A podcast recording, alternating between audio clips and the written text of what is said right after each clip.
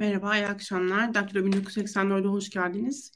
Bu yayını izleyecek kadar politik bir düşkünlüğünüz varsa muhtemelen Kılıçdaroğlu'nun e, canlı yayınına da e, göz atıyorsunuzdur. Biz de birazcık baktık. Yayın içinden aslında e, yine buna ilişkin konuşuyor olacağız. Hocanın değerlendirmelerini, yorumlarını alıyor olacağız. Ama öncesinde biraz daha belki bu yayını neden yaptığımızı konuşabilelim istiyorum. Hocaya soralım istiyorum. Farklı formatta bir yayın. Ee, ben de çok konuşmamaya çalışacağım. Soruları aktarmaya çalışacağım. Hocanın yorumlarını dinleyeceğiz birlikte.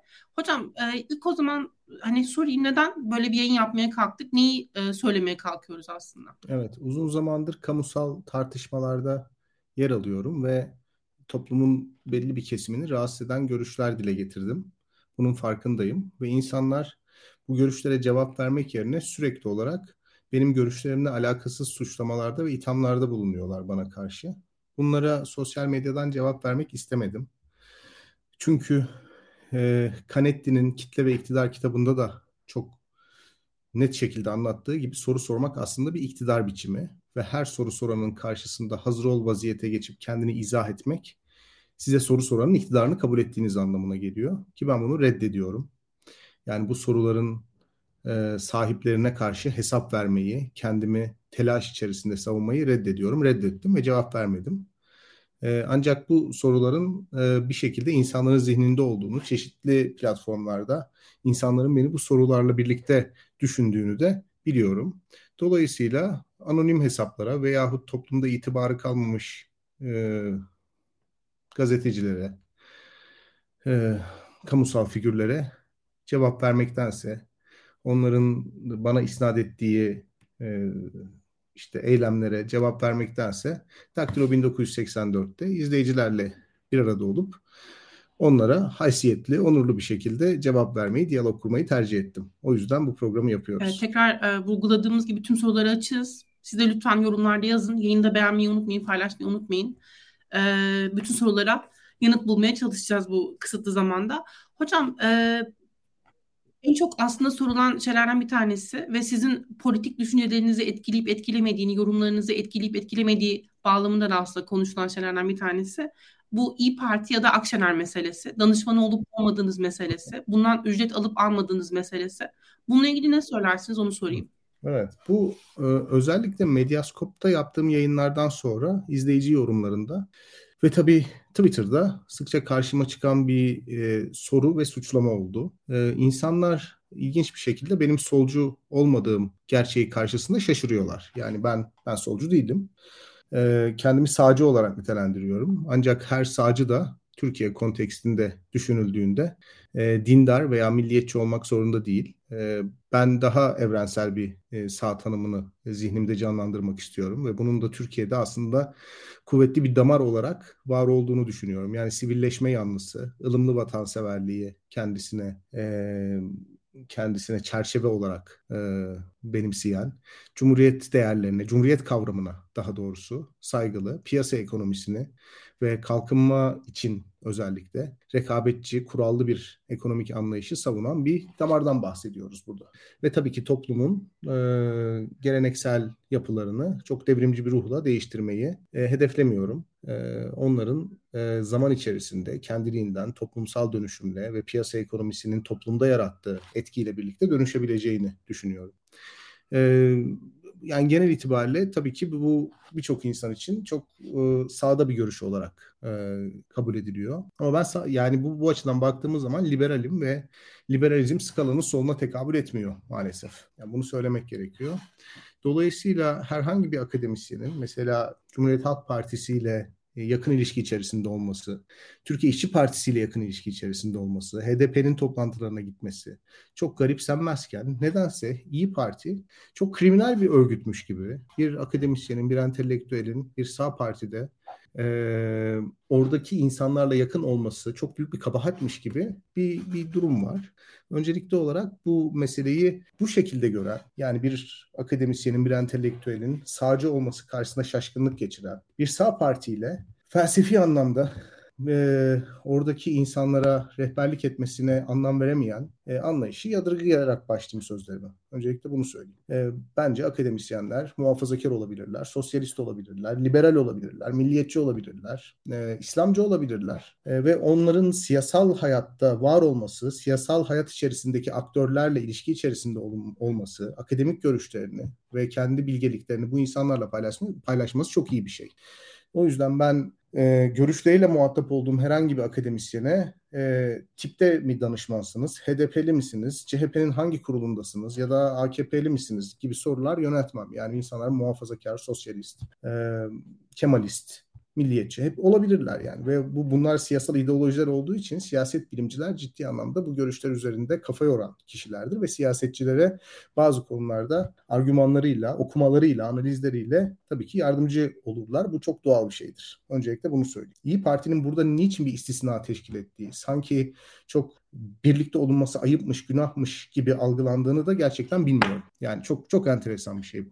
Öncelikle bunu söyleyeyim. İkincisi e, danışmanlıktan Türk toplumunun doğru şeyi anladığı kanaatinde değilim. Yani danışmanlık dediğimiz zaman sürekli olarak genel başkanın yanında bulunan, sürekli olarak genel başkanın bütün eylemlerini, bütün söylemlerini, bütün hareketlerini kontrol eden, adeta genel başkanı bir kukla gibi elinde bulunduran ve iplerini de parmaklarını oynattıkça genel başkanı oynatmayı becerebilen böyle ulvi bir kişilik olarak tanımlıyorlar. Bu e, danışmanlar hakkında değil, danışmanları bu şekilde tanımlayanlar hakkında bize fikir veriyor daha çok. Yani onların bir anlamda kavram dünyası hakkında bize, bize bilgi veriyor. Ben böyle bir danışman değilim. Ee, danışıldıkça danışmanım yani. Birisi bana telefon açıp bir konuda fikrimi sordukça evet yani danıştıkça fikrimi söylüyorum. Bunu söyle, söylemem lazım. E, Meral Akşener ile de tabii ki bir yakınlığım var. Bunu inkar etmeyeceğim. E, bu yakınlık 2020 senesinde başladı. Onu da söyleyeyim. 2020 senesinin Haziran ayında e, şu anda Zafer Partisi Genel Başkanı olan Ümit Özdağ beni aradı.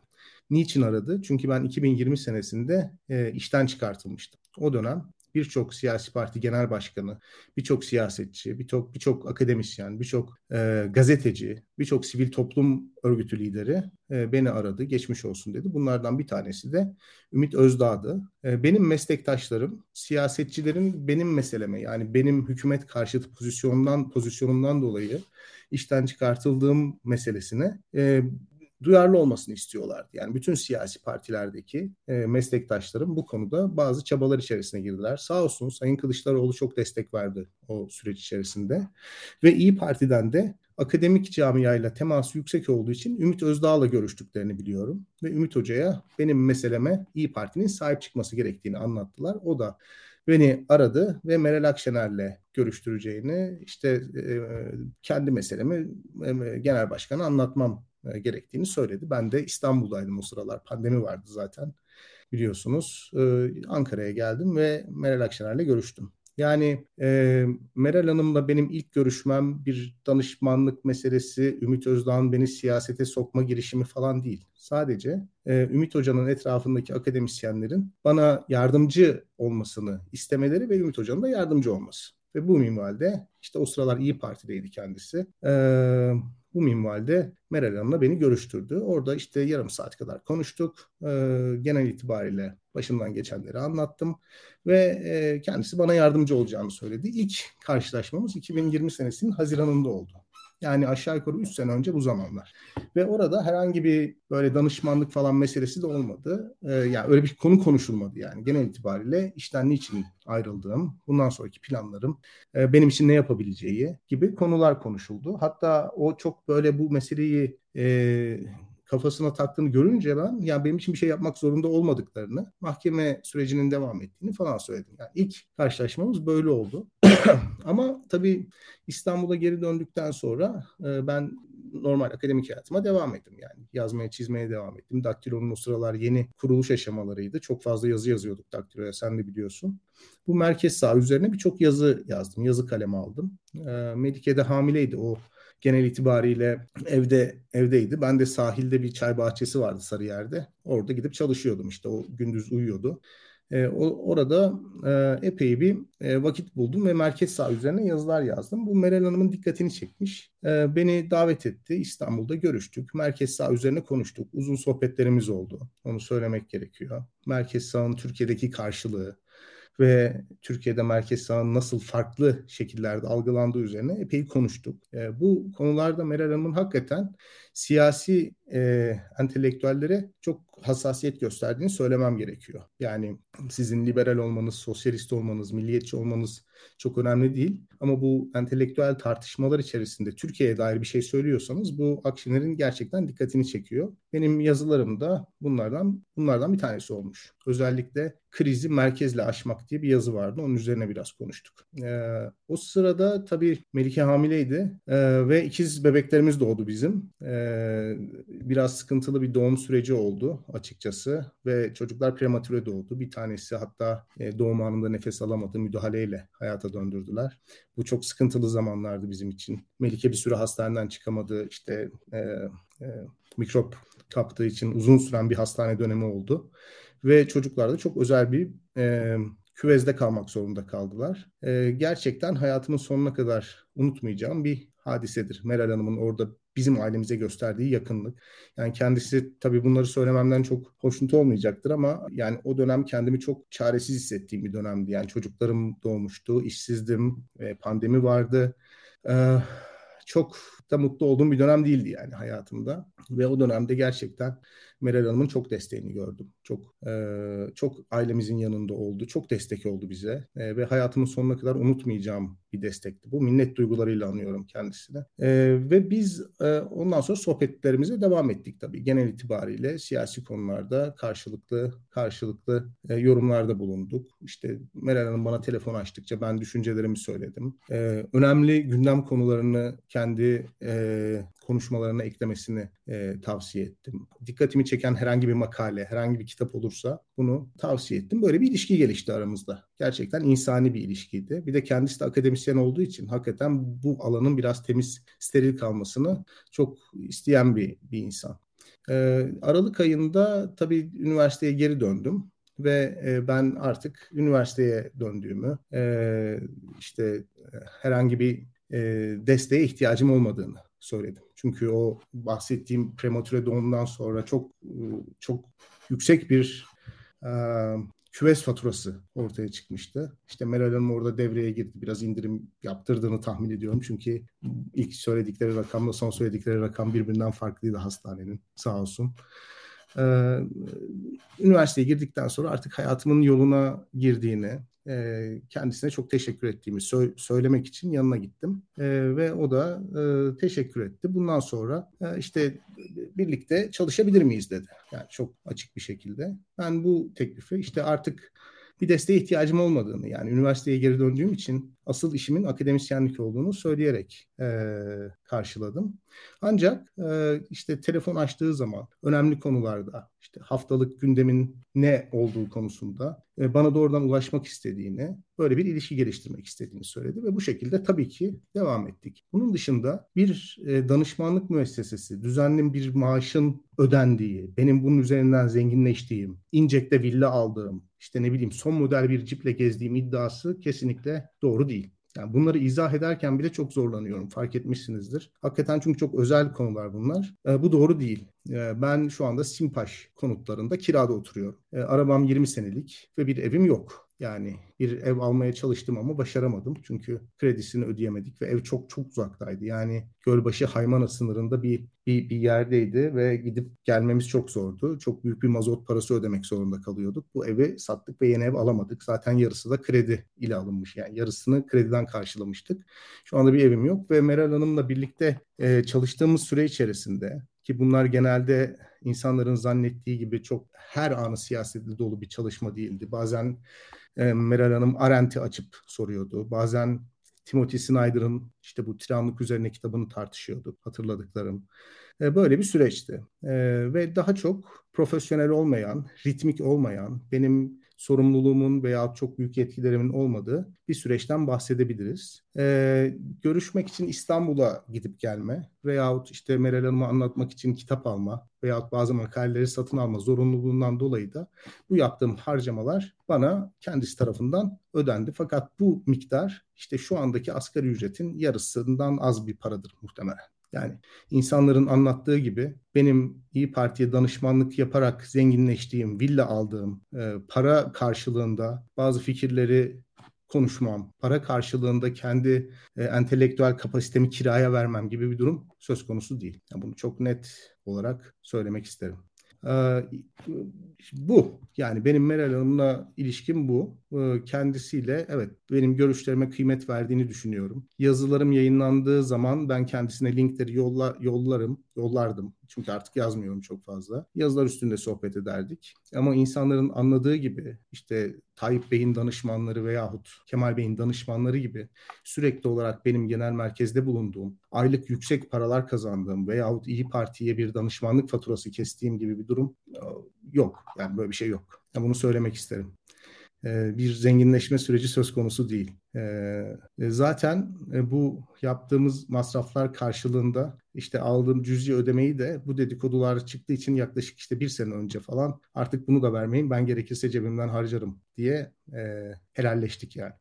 Ve ondan sonra bir senedir de ee, yani kendisinden yine bu yaptığım masraflar karşılığında aldığım para içime sinmediği için e, aldığım parayı hesapladım ve Türkiye'de okuyan bazı yabancı öğrenciler var çok zorluk çekiyorlar onlara burs şeklinde veriyorum. Bunu söylemek istemezdim. Yani bu hoş şeyler değil. Ama e, insanlar çok sorduğu için ve üzerimde bunun böyle bir gölgesi kaldığı için kendimi bir anlamda temize çıkartmak istedim. O yüzden konuşuyorum bu yayında. Size verilen bu manevi desteğin bir benzerini de siz bana teklif ettiniz. Ben de onu söyleyeyim o zaman. Bu bilmiyorum yani konuşması bilmiyorum bir yanıyla kolay olmayan bir yanıyla bunu ifade etmenin de garip durabildiği bir yanıyla ama bazen ifade edilmesinin de ben de kaçınam, kaçınılamayan bir şey herhalde. Bu denli ağır suçlamalarla muhatap olurken özellikle. Ee, şey sormak istiyorum. Şimdi tam da bu konudan aslında bir başka mesele de Akşener'in altılı masadan kalkması, masaya tekrar geri dönmesi. Bu birçok e, birçok insan için aslında yeterince açığa kavuşturulamadı. Yani neden kalktı, neden döndü? Hatta biz bir yayın yaptık. Ben o yayında size şey diye sormuştum. Neden bu kadar sert bir e, sert ifadeleri kullanarak masadan kalktı diye. E, bunun kendimce onun için e, masaya tekrar dönmemiz, dönmeyeceği gibi bir anlam yarattığını düşünüyordum vesaire vesaire. Ama buradaki asıl aslında sormak istediğim şey ya da size aslında sorulan şey sizin bu masadan kalkışta etkinizin olup olmadığı meselesi. Bunu e, soran e, bazı izleyiciler var ve e, masaya geri döndüyse o halde bunu da mı siz istemiş oluyorsunuz? Hangisini siz istemiş oluyorsunuz? Gibi gibi kendi içinde böyle sorular barındıran bir soruyu sormak istiyorum. Masaya geri dönüşünü tabii ki ben istemedim. Masaya geri dönmesi benim açımdan son derece yanlış bir hareketti. Ve bugün seçimleri kaybetmemizin ve İyi Parti'nin beklenen oy oranına ulaşamamasının sebeplerinden bir tanesi masaya dönüş kararı. Bunu açıkça söylemek lazım. Ee, seçimleri kazanabilmemiz için altılı masa çok yanlış bir projeydi. Cumhuriyet Halk Partisi e, her şeyi bir tarafa bırakın artık muhalefetteki partilerin ittifak yapma eğilimlerini zedeledi. Bu süreçteki tavrıyla Cumhuriyet Halk Partisi %25'lik oyla %50'lik muhalefeti yönetebileceğini düşündü ve e, bu açıdan CHP Genel Merkezi'nde alınan kararların bütün partiler tarafından itiraz edilmeden kabul edileceği bir mekanizma tasarladı. Bu da altılı masa şeklinde ortaya çıktı. Bu dört partinin ki onların zaten CHP ile olan ilişkisinin e, muhalefetin hayrına değil de dört partinin daha çok milletvekili çıkartması için yapıldığı da artık ortada aşikar. Bunu birçok insan kabul ediyor.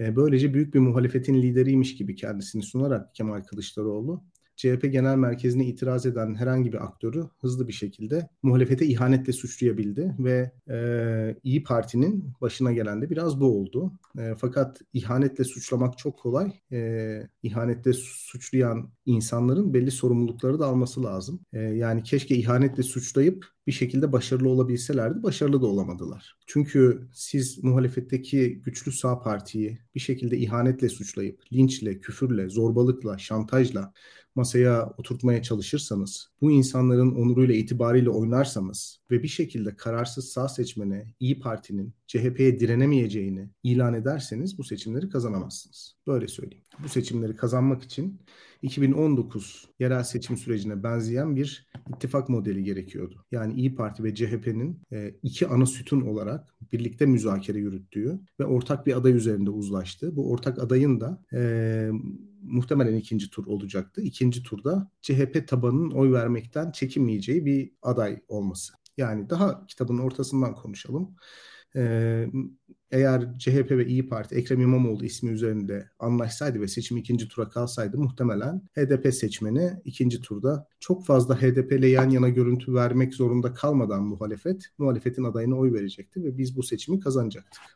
Yani benim argümanım buydu. Çok e, radikal, çok marjinal bir argümanla ortaya çıkmadım. Ve altılı masanın siyaset bilimi açısından da çok e, sorunlu olduğunu iddia ettim. E, Birçok akademisyenlerle bir akademisyenle birlikte siyaset bilimciler bildirisini yayınladık biliyorsunuz. Ben çok üzülüyorum. Bu süreçte ortaya koyduğum eleştirilere karşı hiçbir karşı cevap gelmedi. Yani işte İyi Parti danışmanı dediler. Beşli çeteden para alıyor dediler. E, fakat bir, bir cevap aradım. Yani bir muhatap aradım. Konuşmak istedim. Fakat insanlar tehdit dolu, hamaset dolu ve yaftalayarak cevap verdiler bana. Kamusal alan zaten 6 Mart'tan sonra benim için artık çok tehlikeli bir hale al- almıştı. O yüzden çok kamusal alanda göremedim. Ama benim görüşlerim bunlardı zaten. E, şimdi bazı arkadaşlar işte baştan altılı masayı destekledi sonra hayır ben muhalefetin bütün aktörlerinin bir ittifak içerisinde yer almasını destekledim. Yani benim düşüncem muhalefete gelmiş aktörlerin e, doğru ittifak projesi içerisinde doğru şekilde konumlanmasıydı. Yani ben Deva Partisi gelip e, veto hakkı elde ederek e, muhalefetin yürütme erki üzerinde ortak pay sahibi olsun ya da muhalefetin başkan adayı e, üzerinde ortak söz hakkı olsun veyahut Demokrat Parti veyahut Gelecek Partisi bunu yapsın demedim. Ha, Deva ve Gelecek partilerine karşı ontolojik bir karşıtlık içerisinde olmadım. AKP'den ayrılan ve muhalefete gelen, burada siyaset yapmak isteyen partilere muhalefetin mesafe koymaması gerektiğini, bunları bir şekilde entegre etmesi gerektiğini iddia ettim. Fakat bu demek değildir ki ben altılı masa işte Şubat 2022'de başladı. Başladığı zaman ben altılı masa yanlısıydım ve sonradan hayır. Altılı masanın ilk toplantısından sonraki yazılarıma ve yayınlarıma lütfen baksınlar. Anayasa yapmak için çok az aktör olduğunu, seçimi kazanmak için ise çok fazla aktör olduğunu iddia ettim ilk günden beri. Dolayısıyla e, benim tutumum belliydi ve ben bu tutumumu herkesle paylaştım. Yani Meral Akşener'le de paylaştım. Ahmet Davutoğlu beni sağ olsun öğle yemeğine davet etti. Kendisiyle de paylaştım. Soran eden diğer partilerdeki bütün siyasetçilerle de paylaştım. Yani Deva Partisi'nden de e, üniversiteye beni ziyarete gelen siyasetçiler var. Gelecek Partisi'nden de, Demokrat Parti'den de, Saadet Partisi'nden de arkadaşlarım var. Hepsine açık açık bu görüşlerimi söyledim. Yani Altılı Masa'nın nasıl sonuç vereceği konusunda benim gizliden yürüttüğüm, sinsi bir şekilde yürüttüğüm, işte ne bileyim Meral Hanım'ın kulağına fısıldayarak onu zehirlediğim bir süreç gerçekleşmedi. Herkesin gözü önünde, bütün daktilo yayınlarımda, bütün daktilo yazılarımda, medyaskop yayınlarımda ve medyaskop yazılarımda, hatta Halk TV'deki son yayınımda, son yayınım diyorum çünkü bunları söyledikten sonra bir daha yayına çıkamadım. Ee, bunların hepsini söyledim. Gizli kapaklı bir şey yok yani ortada. Yani ben topluma karşı farklı bir kişilikle, farklı argümanlarla kendimi gösterip kapalı kapılar arkasında Akşener'e bir şeyler fısıldıyor değilim. Yani ben ne söylüyorsam insanlara da aynısını söylüyorum. Üstelik son bir sene içerisinde e, ben yüz yüze Meral Hanım'la iki kere görüştüm. Üçüncü kez görüşmedim yani. Hani üç kere görüşmüş değilim. İki kere birbirimizi gördük yüz yüze. Dolayısıyla e, genel itibariyle zaten ben yazıyordum bunları. E, o yüzden İyi Parti'nin altılı masayı ne kadar erken bozarsa ve ne kadar usulünce bozarsa e, iyi olacağı kanaatindeydim. Bunu her fırsatta söyledim. 3 Mart günü de ben mutlu oldum açık konuşmak gerekirse. Yani Meral Hanım'ın masadan kalkması seçimi kazanmamız için çok önemli bir fırsat olarak gözüktü bana. Çünkü masanın devrilmesi birkaç gün eğer sabredebilseydi İyi Parti, İyi Parti CHP müzakerelerine kapı açacaktı. Ve böylece iki partinin seçimi kazanmak için bir araya geldiği, eşit müzakere ettiği ve seçimi kazanabilecek bir aktör üzerinde uzlaşabildikleri bir patika ortaya çıkacak. Bu olmasaydı bile İyi Parti kendi adayını çıkartıp en azından Tayyip Erdoğan'a veyahut Sinan Ogan'a oy veren seçmenleri kendisine çekip seçimi ikinci tura muhalifleri daha moralli şekilde taşıyacak. En azından bu olacak. Şu geldiğimiz noktada 3 Mart'ın öyle lanetle anılabilecek kötü bir gün değil. Aslında kaçan bir fırsat olduğu anlaşılıyor zaten. Böyle düşünüyorum. E, yeri gelmişken söyleyeyim. e, Yıldıray Oğur ve Yunus Emre Erdölen benimle ilgili e, bir takım tweetler attılar 4 Mart tarihinde. Akşener'in masadan kalktığı metni benim yazdığımla alakalı imalarda bulundular. E, Bunlara cevap vermedim. Bu metni ben yazmadım. Ben bu metni herkesle birlikte dinledim. Fakat e, bu metni ben yazmadım diyerek hemen ortaya çıkmak sanki bu metnin çok kötü, çok utanılması gereken bir metinmiş gibi algılanmasına sebep olacağı için sustum. Zaten Yıldıray Oğur'a da e, sosyal medya üzerinden cevap vermeyi kendime yakıştıramadım açıkçası. Bu metni ben yazmadım. Tek kelimesini bile ben yazmadım. Fakat bu metinle ben gurur duyuyorum. Gurur duyuyorum. Çok mutlu olarak dinledim. Entrikayı siyaset yapmak zanneden, dört tane partiye rüşvet vererek kendisini destekleten, hayatı boyunca sadece kendi seçtiği delegelere kendisini seçtiren, medya operasyonlarıyla sürekli olarak kendi ismini organik bir şekilde sanki toplum bunu bekliyormuş gibi lanse eden, kendi ortaklarına karşı aday olacağını söylemeyen ve aday olacak mısınız sorusuna sürekli kaçamak olarak cevap verip son dakikaya bırakan bir adaylık sürecine karşı ben bu çıkışın son derece anlamlı olduğunu düşünüyorum. Ve eğer birkaç gün daha dayanabilseydi İyi Parti bence Kemal Bey'in kolay yoldan Cumhurbaşkanı olma hayalleri suya düşecekti ve mecburen bir şekilde müzakere zemini ortaya çıkacaktı. Fakat nedense Pazartesi günü saat 4'teki o altılı masa toplantısında sanki altılı masa 4'te e, toplanmazsa böyle gökyüzünde açılan bir kapı kapanacakmış gibi bütün toplumun saat 4'te Meral Akşener'i masaya oturtma gayreti ortaya çıktı. İyi Parti içerisinden birçok insan da Meral Hanım'ın konuşması üzerine hemen Cumhuriyet Halk Partisi'ne koştu. Yani kendi genel başkanlarının yaptığı hamleyi umursamayıp başka bir partinin genel başkanına koştular. Başka bir partiye koştular. Ee, birçok insan masaya dönmesi için baskı yaptı Meral Hanım'a. Toplum zaten biliyorsunuz çok histerik davrandı o süreçte. Küfür, kıyamet, linç. Türkiye'de şöyle bir olay yaşandı. Eski Çalışma Bakanı elimde dosyalar var diyerek şantaj yaptı İyi Parti Genel Başkanı'na ve hiç kimse bir şey demedi. Aleni şantaj hadisesine şahit olduk biz mesela o günlerde. Yani farkındaysanız eğer. Biz bunlara hiçbir şey demedik. Bu baskılara, bu linç kampanyasına, bu küfre, Halk TV'nin yayın politikasına, fenomenlerin attığı abuk sabuk tweetlere hiçbir şey söylemedik, hiçbir şey demedik. Çok aklı başında bildiğimiz insanlar bile çıldırmış gibiydi o günler. Ve bu şekilde masaya oturtulan e, bir Meral Akşener e, figürü ortaya çıktı. Çok da morali bozuktu Meral Hanım'ın. Ben 6 Mart günü gerçekten çok üzüldüm. Hayatımın en kötü gecelerinden bir tanesiydi. Çünkü 14 Mayıs günü insanların seçim kaybedildiği zaman yaşadığı moral bozukluğunu 6 Mayıs'ta ben yaşadım kendi adıma. Çünkü İyi Parti'nin bu kadar zayıflatıldığı, bu kadar dövüldüğü, bu kadar yıpratıldığı bir muhalefet projesine e, muhtemelen kararsız seçmen oy vermeyecek. Yani benim benim kafamda böyle bir durum vardı. O yüzden son ana kadar da fark ettiysen Kemal Kılıçdaroğlu'nu endorse etmedim, onaylamadım. Yani seçimin kazanılacağına dair hiçbir tweetim, hiçbir mesajım olmadı. Böyle söyleyeyim. Zaten Akşener'in neden masaya döndüğü anlaşılamadı. Yani kararsız seçmen oy verme davranışını değiştirmeye hazırlanan seçmende ben de aynı fikirdeyim. Yani benim de gözlemim o yönde oldu hem o anlaşılamadı hem de e, masadaki denge ya da adaylık mimarisindeki denge bir, yan, bir yanıyla Cumhuriyet Halk Partisi'nin yıllardır genel başkanlık yürüten ve yıllardır seçim kaybeden ve toplumda olumsuz bir karşılığı olan kişinin e, yürüteceği bir proje olarak tamamıyla algılanır oldu. E, bence bu da etkilemiş oldu. En azından benim gözüm o yöndeydi ama e, şey konusunda yani masadan kalkılması vesaire hangi metinle nasıl yapılabilirdi meselesi. Tabii burada insanları insan yapan o başka dinamikleri de es geçmemek lazım. Ya o duygusal yoğunluk, o ciddi bahsettiğiniz hakaret, tehdit ve yani bilmiyorum. Zaten Akşener'in de bu konularda ne kadar hassas bir kişi olduğunu da gördük. Hani ilerleyen zamanlarda kendi demeçlerinden de. O yüzden bunların hepsi muhtemelen etkili oldu. Hani siyaseti anlamaya çalışırken özellikle yani Türkiye'deki parti yapılarına baktığımızda ne kadar lider odaklı gittiğini de gördüğümüz için e, çoğu zaman daha şahsileşmiş şekilde ilerlediğini anlıyoruz herhalde. Bilmiyorum siz de buna katılır mısınız? Ya şöyle benim gözlemim şu muhalefet medyası e, son yıllarda çok gelişti. Muhalefet medyası özellikle belediyelerin kazanılmasından sonra e, ciddi anlamda genişledi. Yani şimdi Kılıçdaroğlu çok adaletsiz bir seçime girdiğini iddia ediyor ama 2014 ve 2018 seçimlerine baktığımız zaman yerel televizyon stüdyolarından hallice bir Halk, Halk TV vardı ve başka bir televizyon kanalı yoktu. Bir de Sözcü Gazetesi falan vardı. Şu anda Halk TV, Fox TV, Flash TV, Tele1, KRT, Sözcü TV, Karar TV, TV5 gibi büyük bir televizyon ağı var. Sözcü gibi, Bir Gün gibi, Cumhuriyet gibi, e, yine Karar gibi, Milli Gazete gibi birçok gazete de var. Yani baktığımız zaman.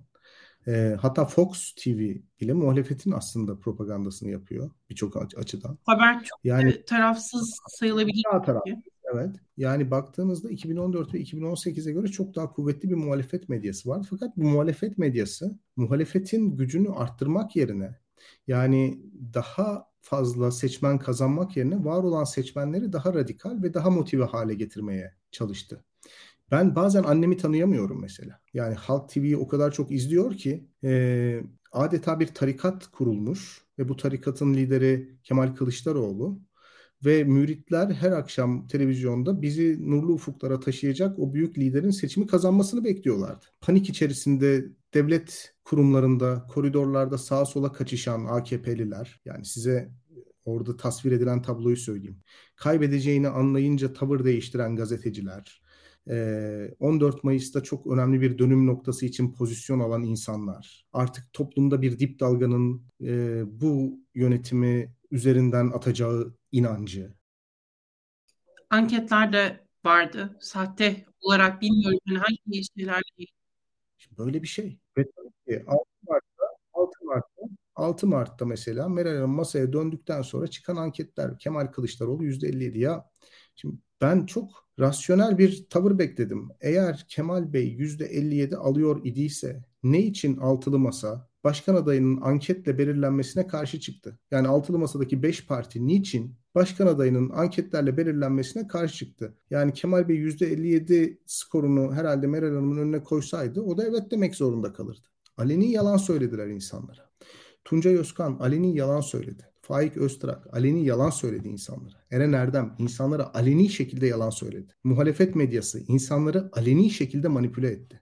Ve böylece insanlar herhangi bir şekilde var olan projenin hilafına konuşan, hilafına hareket eden, hilafına hamle yapan herhangi bir politikacıyı, herhangi bir akademisyeni, herhangi bir gazeteciyi hızlı bir şekilde hain ilan edip yaka paça dövmeye çalıştı. Yani bugün Muharrem İnce'nin başına gelen de. Yanlış adamı dövdüler. Ya yanlış adamı dövdüler. Muharrem İnce hükümet yani seçmen analizi önce yapılması lazım. Yani Muharrem İnce tamamıyla CHP'nin kalbinden oy söküp götüren bir adam değil. Yani iktidardan da oy alabilen aslında bir e, bir, bir figür. Nereden anlıyoruz? Muharrem İnce eridikçe iki tarafta birden e, oy arttırdı. Yani AKP de oy arttırdı. Muharrem İnce'nin erimesiyle beraber bütün oy olduğu gibi CHP'ye gitmedi. Hemen hemen yarı yarıya AKP CHP dağıldı. Ama adamı dövdük, hakaret ettik ve hiç kimse mesela Muharrem İnce ile ilgili yayınlanan kasetlere ilkesel bir duruş sergileyip ne yapıyoruz biz demedi. Muharrem Bey'in ailesi zor zamanlar geçirdi. Biliyorum. İnsanlar yolda sürekli olarak bu insanlara babanıza söyleyin çekilsin adaylıktan baskısı yaptılar. Ya inanılmaz vahşi ve vulgar bir dönem geçirdik biz. Bunların hepsi muhalefet medyasından dolayı oldu. Ve Meral Hanım'ın masadan ayrılması da bu medyanın motive ettiği, bu medyanın kurguladığı, bu medyanın aslında bir şekilde radikalleştirdiği insanların tepkisini hızlı bir şekilde ortaya koydu. Yani Tele1 Süleyman Soylu'nun Akşener için söylediği sözleri yayınladı. Daha ne, ne diyeyim? Ne söyleyebilirim ki? Yani sonra İyi Parti seçmenini getiremez. Ha İyi Parti rakam ortada. Yani CHP'nin aldığı oy, HDP'nin aldığı oy, İyi Parti'nin aldığı oy ortada. İyi Parti potansiyel, ulaşabileceği, anketlerde gördüğümüz o %17, %18'lik o mevcut oyunun üstünde 7-8 puanlık seçmenini getiremedi. Çünkü o potansiyel İyi Parti daha sağlam durabilseydi, İyi Parti hırpalanmasaydı, İyi Parti muhalefetin kingmaker'ı olabilseydi gelecek. Ama bunu düşünemedikleri için çok ultra zeki arkadaşlarımız İyi Parti üzerinde iktidar kurmaktan büyük bir zevk aldılar. Yani CHP genel merkezi çevresindeki insanlar hayatlarının en tatlı 4-5 ayını yaşadılar. Müthiş bir 4-5 ay yaşadılar. İktidarı iliklerine kadar hissettiler tahminimce.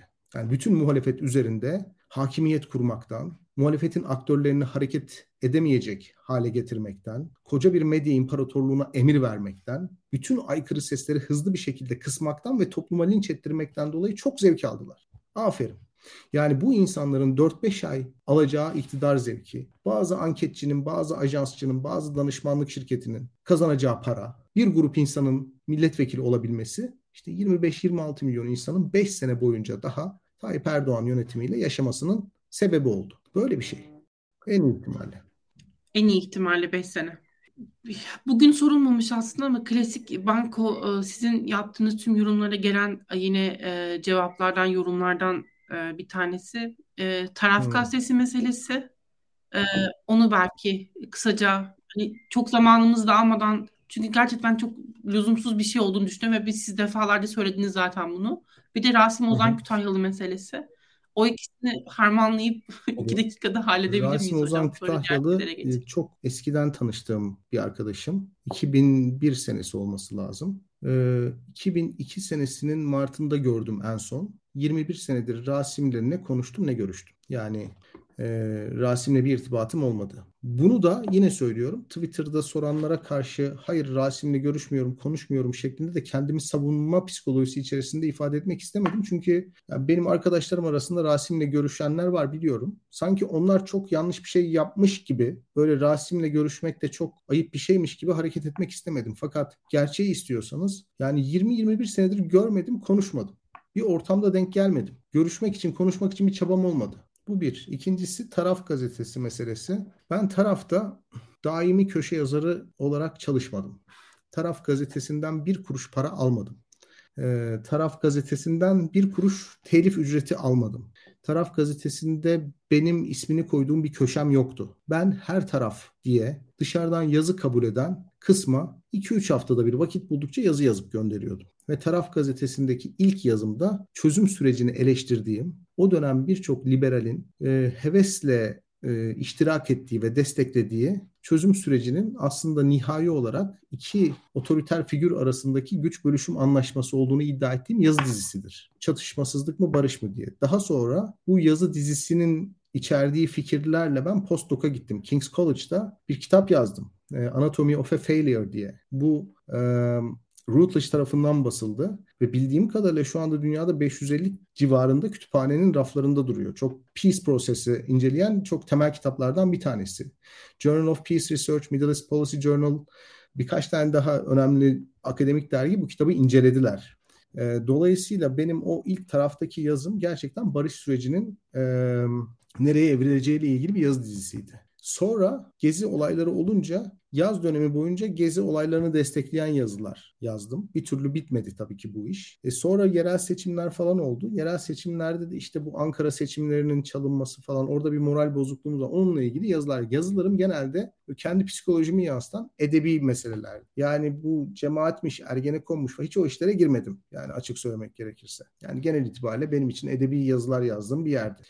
Ee, yazıları bir yerden bulabiliyorlar. Bir link var herhalde. Onu bana atmışlardı. Onu yani bir bir şekilde belki alttaki bende var. Yani YouTube yayınının altına koyarız o linki. Oradan isteyenler bakabilir. Ee, yazdığım her şey çok doğru mudur, harika mıdır değil. Olmayabilir. Ama pişman da değilim yani. Ben o zaman öyle düşünüyormuşum. Onları yazmışım. Ee, şu anda farklı düşünüyorum. Farklı düşündüğüm zaman niçin farklılaştığımı herkesten çok ben düşünürüm. Kimse merak etmesin. Yani niçin geçmişte şu anda olduğundan daha farklı düşünüyordum ve ne oldu da ben düşüncelerimi değiştirdim konusunu herkesten çok ben düşünürüm. Bunu söylemek gerekiyor. Aa, evli olunca böyle. Ee, Melike dilimin kuruduğunu hissetti herhalde. Yani o bakımdan hani bu yazılardan dolayı hesap verme psikolojisi içerisinde değilim ama yani genel itibariyle yazılarımı tartışabiliriz. Bunların kriminal işler olduğunu da düşünmüyorum. Yani ben Türkiye günlüğünde de yazı yazdım. İşte Kürt Tarihi dergisinde de yazı yazdım. Ee, Inside Turkey'de de makale yayınladım. İşte ne ya, ya, yani entelektüeller ve akademisyenler yazar yani. Hani bir, bir, bir şekilde bizler birbirleriyle irtibat halinde olan insanlarız ve işte şu konuda bir yazı lazım denildiği zaman ya da yazar mısın denildiği zaman genel itibariyle hatır gönül içinde çok yazı yazıyoruz yani onu da söylemek lazım. İnsanları bundan dolayı suçlamamak lazım. Ben yazılarımın arkasındayım. Herhangi bir yazıyı oturup eleştirebiliriz. Ama bunu böyle e, koca koca akademisyenler alıp Twitter ergenlerinin önüne atıp aa bak bunu yazmış burada yazmış falan bunlar ayıp şeyler yani. Bunları da yapmamak lazım. Herkesle iletişime açığım yani. Burada Daktilo'da da konuşabiliriz. O dönem niye öyle düşünüyormuşum? Kendimi de şu anda durduğum noktadan eleştirmeye hazırım. Yani onu da söylemek isterim.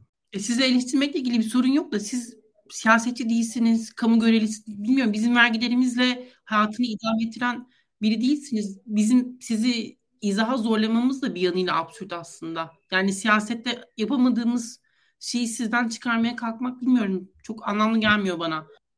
Hep böyle olur Maya. Yani sadece ben değil hep böyle olur. Yani bir başarısızlık durumunda hep en kırılgan olanın üzerine yüklenilir. Yani genelde en günahsız olan en kırılgan olan insanlar hedefe koyulur. Çünkü mesela yani herhangi bir durumda biliyorum sen de mesela göçmen meselesinde e, değil mi e, hedef gösterildin ve birkaç tane kadın gazeteci.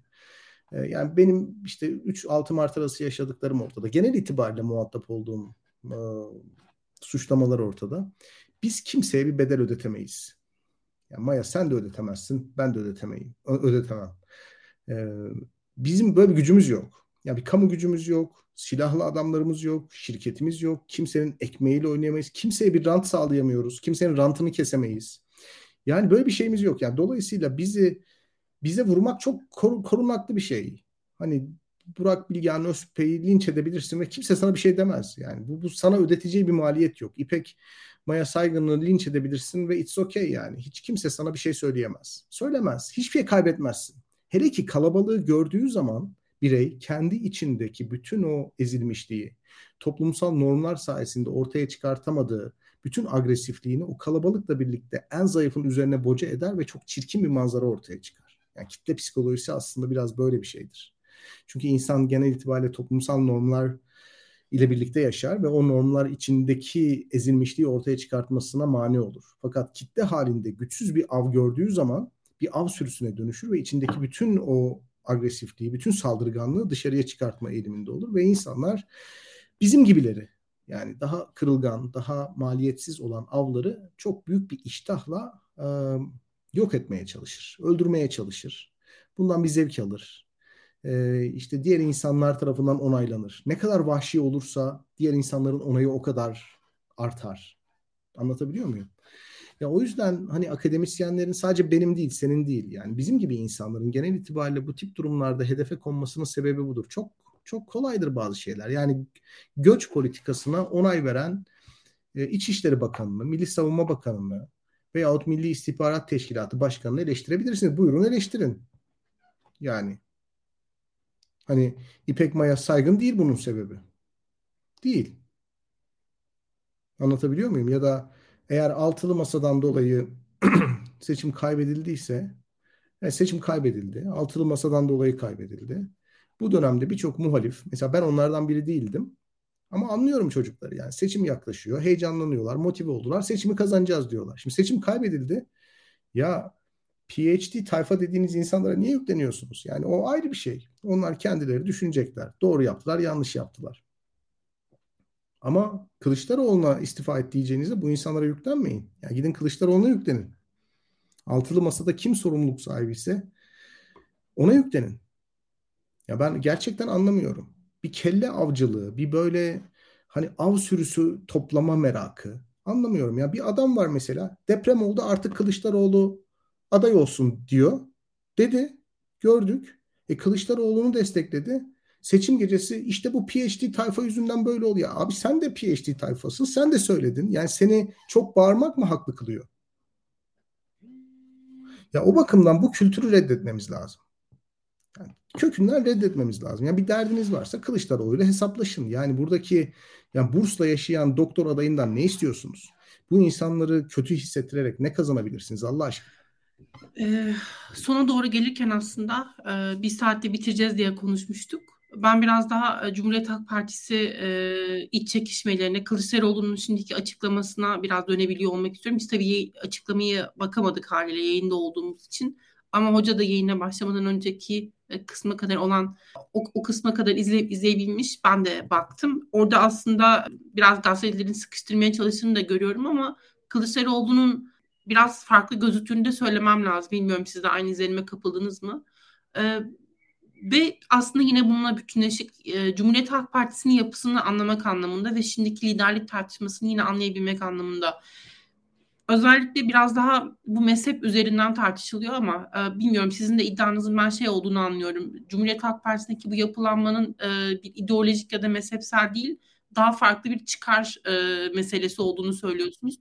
Bunu biraz açmanızı isteyeceğim ve işte buradan da yola çıkarak aslında değişim ne kadar gerçekçi ve Kılıçdaroğlu'nun bu açıklamalarını nasıl değerlendirdiniz? Belki onunla başlayabilirsiniz sonra diğer kısma geçebiliriz. Öncelikli olarak bir şey söyleyeceğim. Bu her demokrasi diyenin peşine takılıp gitmemek lazım. Yani ilk sorunumuz bu. Yani bundan bir ay önce Kılıçdaroğlu bize demokratik bir geleceği armağan edebilecek nurlu bir peygamber gibi gözüküyordu değil mi? Yani televizyona çıkıp konuşuyor. İşte demokrat dedem ne güzel konuştum. Yani adam soruya cevap veriyor. Millet heyecanlanıyor ve etkileniyor konuşabildiği için.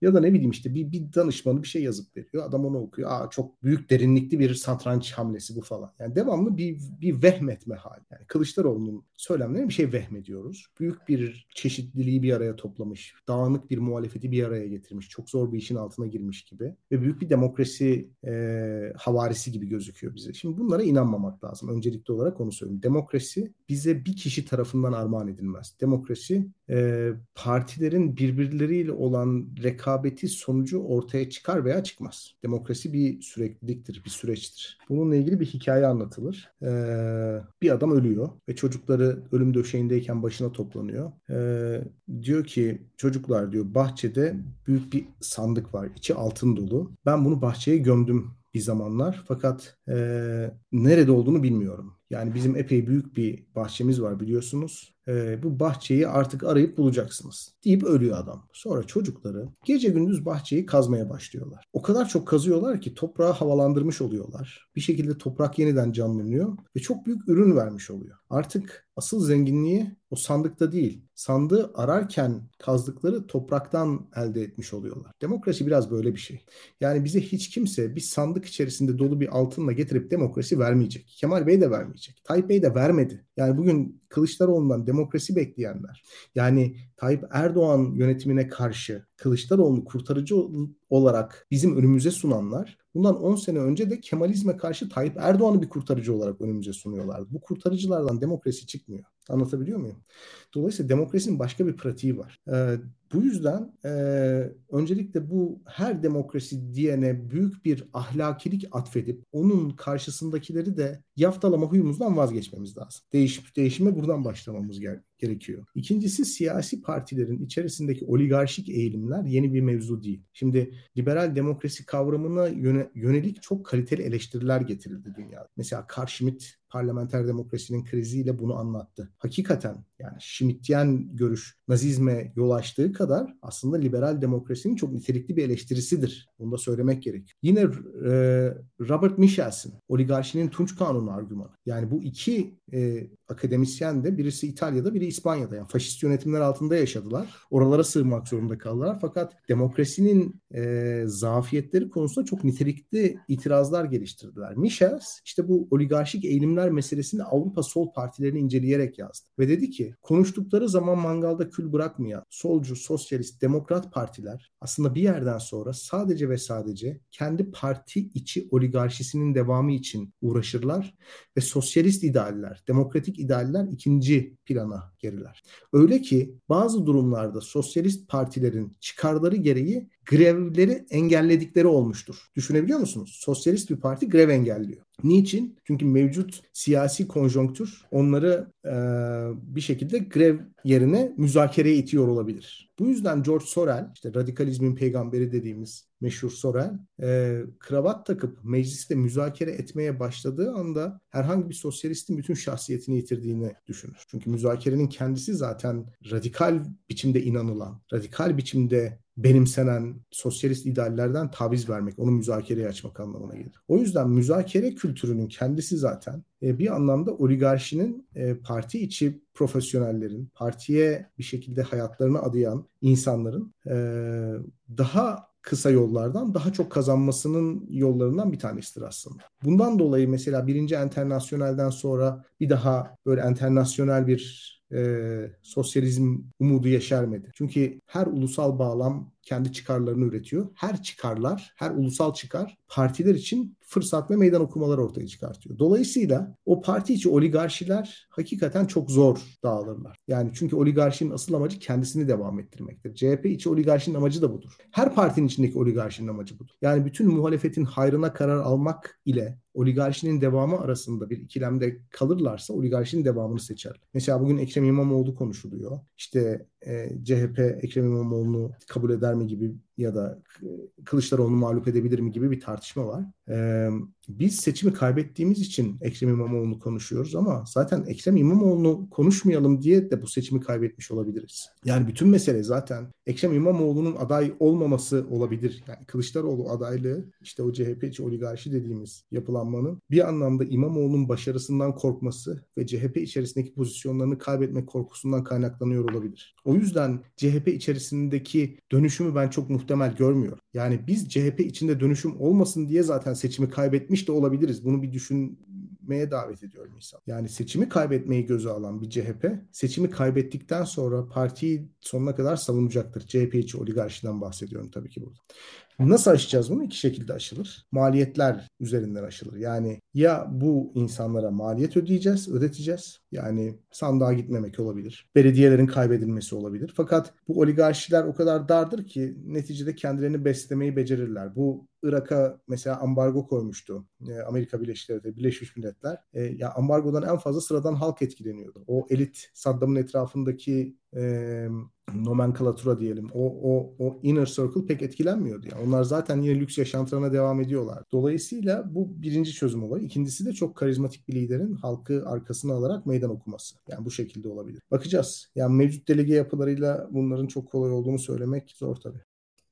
Ee, kimi açıklamalar da duydu. İşte Cumhuriyet Halk Partisi Genel Merkezi'nden e, İmamoğlu'nun işte oy artırmasını beklediği e, bekli onun oy artırmasını e, ondan oy artırmasını beklendiği yerlerde oy artıramadığına ilişkin bazı birkaç kulis çıktı ama bugün Kılıçdaroğlu açıklamasında şeyden bahsetti. E, kıra ulaşamadık, e, köylere ulaşamadık, az sandıklı yerlere ulaşamadık dedi. Bu da aslında garip bir açıklama. Yani herhalde ilk kez e, mi acaba o keşifte bulunuluyor? Zaten İsmail Saymaz da bunu söyledi ama sonraki açıklama da tatmin edici değil.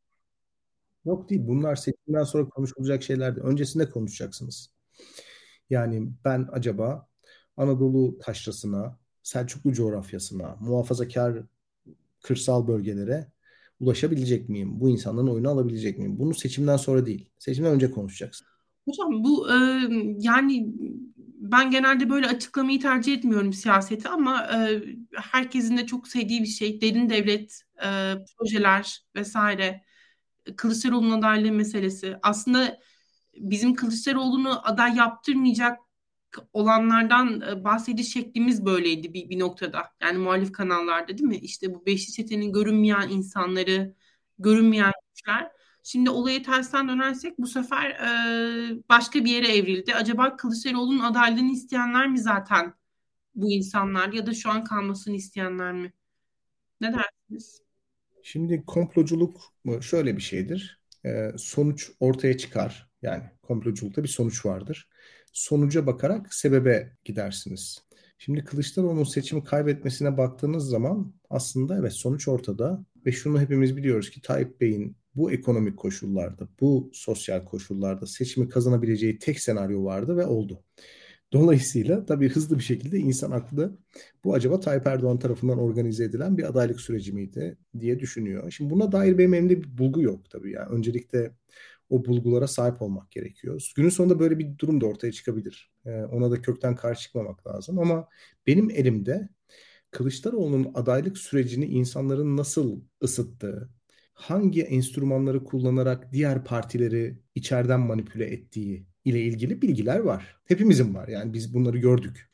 Yani bugün Cumhuriyet Halk Partisi'nin de 11 tane büyükşehir belediyesi var. Cumhuriyet Halk Partisi'nin bugün çok ciddi anlamda bir seçim bütçesi var. Bunlar açık bilgiler. Yani devletin verdiği hazine yardımı.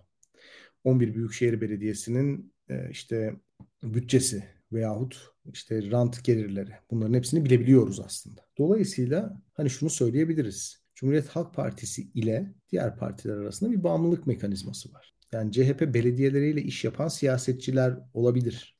Dolayısıyla onlar CHP'nin ortaya koyduğu projeye kendi partilerinin hayrına olmasa bile evet diyebilirler. Böyle bir şey. Ya da Cumhuriyet Halk Partisi listelerinden aday gösterilmezler ise 4 tane partinin üyelerinin 37 ismin milletvekili olamayacağını biliyoruz. Yani bu gizli bir bilgi değil. Dolayısıyla bu 4 partinin 37 milletvekili sayısına ulaşması için Cumhuriyet Halk Partisi'nin projesine destek vermesi gerekiyor. Ya bunlar hani çok fazla üzerinde tartışıla, tartışılabilecek meseleler değil. Fact ya asimetrik bir bağımlılık var. Deva Partisi meclise nasıl girer? CHP'ye evet derse girer. Bu kadar. Dolayısıyla evet dedi girdi. Ee, İyi Parti'nin içerisinde mesela masaya dönülmesini destekleyen insanların aslında networklerine baktığınız zaman bunları da görebilirsiniz. Orada tek netameli olan konu henüz daha açıklığa kavuşmadı. Çünkü aktörlerin hepsi konuşmadı. Onu bekliyorum. HDP meselesi. Orada neyi görüyoruz? Uzun süre sanki Kılıçdaroğlu'nu destekleyen ana aktörmüş gibi gözüken Selahattin Demirtaş son günlerde bazı açıklamalar yapıyor ve diyor ki Haziran'da ben ilk aday olma talebimi ilettim. Aralığa kadar Üç kere bunu söyledim ve parti bunu kabul etmedi. Dolayısıyla şunu anlıyoruz ki Kemal Kılıçdaroğlu'nun adaylık meselesinin ana aktörü Selahattin Demirtaş değil. Başka bir aktör bunu destekliyor.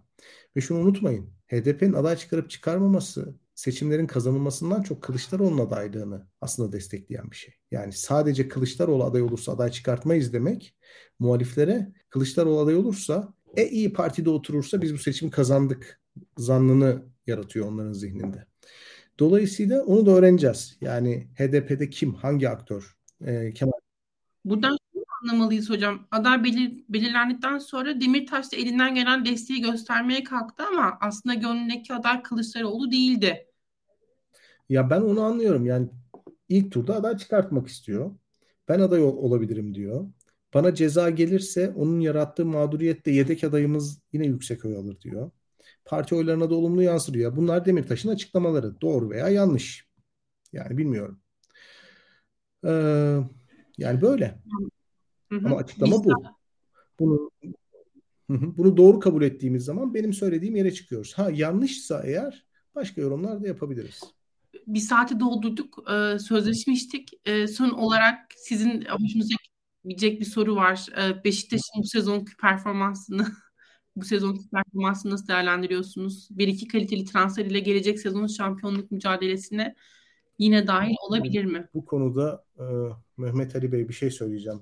Ben 3 senedir Beşiktaş'ı maalesef çok yakından takip edemiyorum.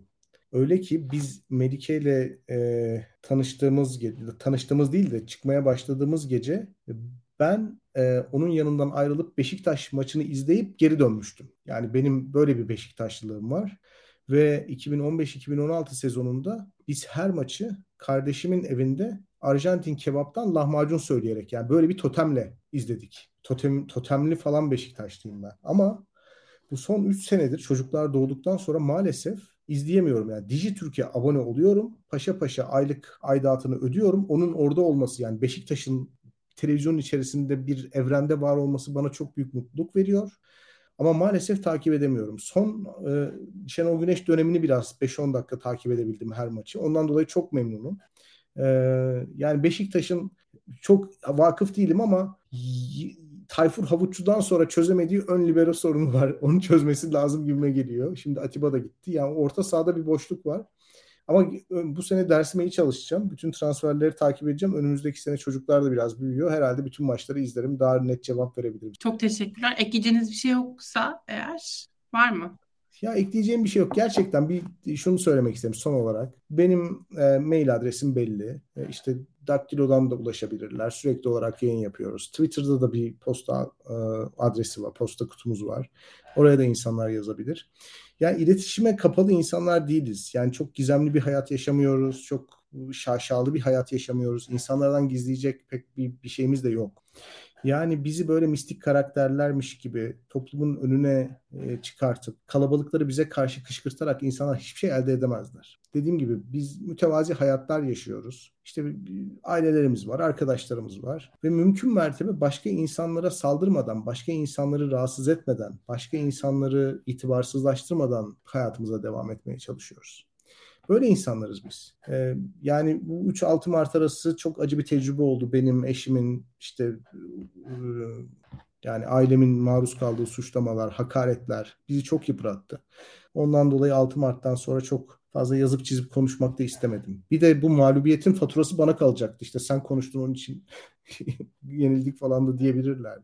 Yani bir iki, iki ay boyunca dinlendim. Ama hakikaten böyle olursa eğer kamusal alanı bu şekilde güvensiz hale getirirsek hiçbirimiz konuşamayacağız. Yani bir yerden sonra hiç kimse konuşamayacak.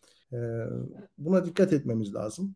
E, dediğim gibi iletişime açığız. Herhangi bir sorunuz olursa da yine sadece bu program bittiği için kendi dünyamıza çekilmiyoruz. Yazıp yazabilirsiniz e, Twitter'da ya da buradaki yorumlara. Hepsine cevap veririz. Daktilo e, yazı yazmak isteyen insanlara da açık e, üstelik. E, evet. Yani bu buna da açığız onu da söyleyelim. Üstelik siyasi olarak da bilmiyorum herkesin aynı şekilde düşündüğü gibi bir yapıda değiliz. Herkesin birbirinden ayrıştığı hı hı. Ve aslında platformun kendisini sağlamakla ilgilenen e, bir yapı olduğumuzu da söylemek belki mümkün diye ben de son not düşeyim. Çok teşekkürler hocam. E, zaman ayırdığınız için, soruları yanıtladığınız için. İzleyen herkese de çok teşekkürler. Verdikleri destekler için. Hiç e, almadığımız kadar maddi destek aldık bu yayında. Ah, Onu da söyleyelim. Görüşmek üzere. Eyvallah. Hoşçakalın.